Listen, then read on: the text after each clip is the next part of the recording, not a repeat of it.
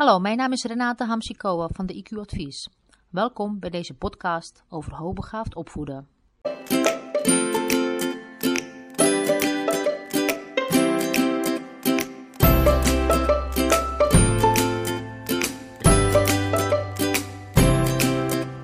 Ik ga het vandaag hebben over een paar, paar vragen die ik van uh, ouders kreeg.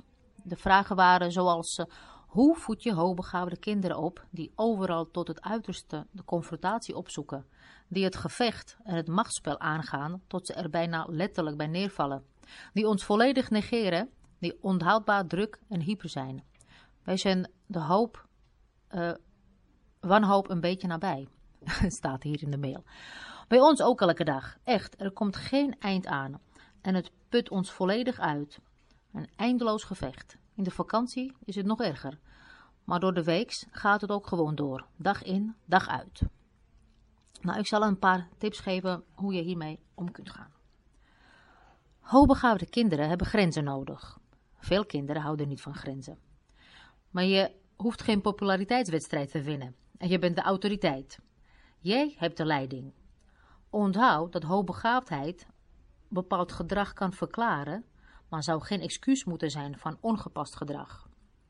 De meeste van ons leggen veel meer nadruk op negatieve uitspraken dan op de positieve. We hebben alle soorten falen door en we blazen ze nog op. Sommige ouders ervaren dit elke ochtend als hun kind op tijd aangekleed moet zijn voor school. Waarom moeten we dit elke dag doen? roept de ouder gefrustreerd en vraagt zich af waarom zijn kind zichzelf niet op tijd kan aankleden. Hij heeft alles al geprobeerd. Nou, hoe kun je positief blijven tijdens de beginfase van het leren van discipline? Ten eerste erkennen en benoemen in woorden wat het kind doet. Dan ten tweede aanmoedigen en complimenten geven voor vaardigheden, waarden en houding die je vaker wilt zien.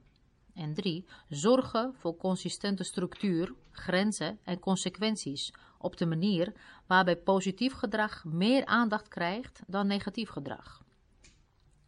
Consistentie is belangrijk. De meest belangrijke regel is dat de grenzen zo consistent mogelijk worden gesteld en dat ouders het, het mee eens zijn. Dus de kinderen zullen het meestal niet toegeven, maar ze zijn blij met duidelijke grenzen en regels. Grenzen, regels en verwachtingen van gedrag, die zijn duidelijk vastgesteld en door iedereen begrepen, geven je kind het gevoel van veiligheid, stabiliteit en voorspelbaarheid. En natuurlijk zullen kinderen de grenzen op de proef stellen en hoe jij daarop reageert. Maar wat is nou het verschil tussen straffen en consequenties?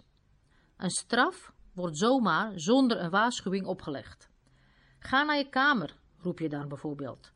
Dit soort dingen vinden hoogbegaafde kinderen oneerlijk. Een consequentie daarentegen houdt rekening met de behoefte aan autonomie bij hoogbegaafde kinderen. Ze weten dus vooraf welke consequentie volgt voor welk gedrag en kunnen dus zelf een keuze maken. Ze luisteren of ze luisteren niet en dan volgt de consequentie.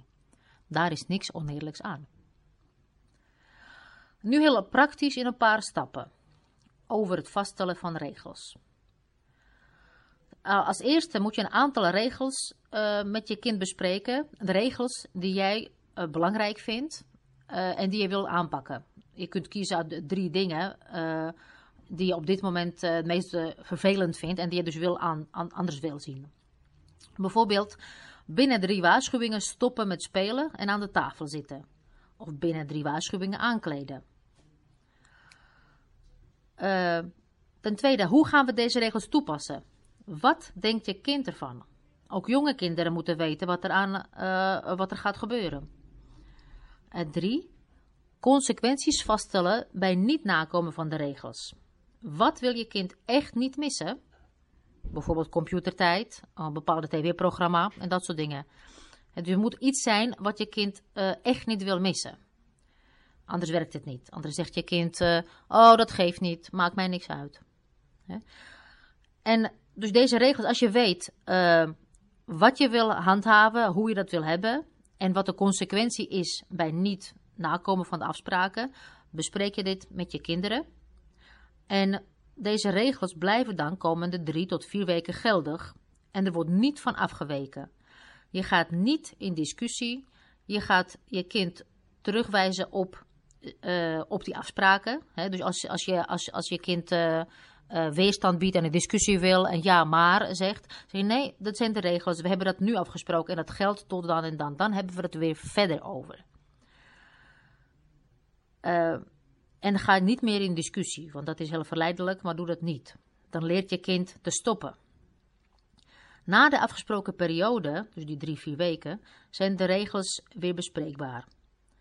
En dan kun je je kind vragen, wat vond je goed gaan, wat vond je niet zo goed gaan, zou je iets willen veranderen aan de regels.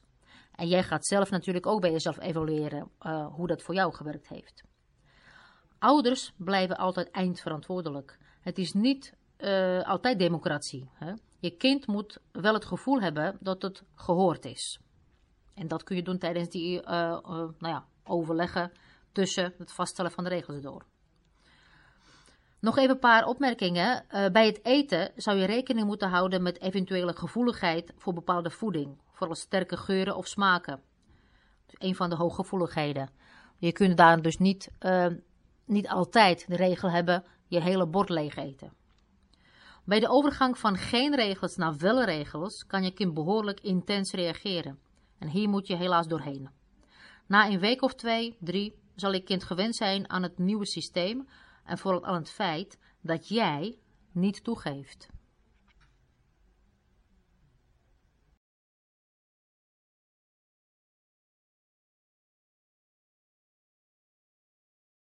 zelf natuurlijk ook bij jezelf evalueren uh, hoe dat voor jou gewerkt heeft. Ouders blijven altijd eindverantwoordelijk. Het is niet uh, altijd democratie. Hè? Je kind moet wel het gevoel hebben dat het gehoord is. En dat kun je doen tijdens die uh, uh, nou ja, overleggen tussen het vaststellen van de regels door.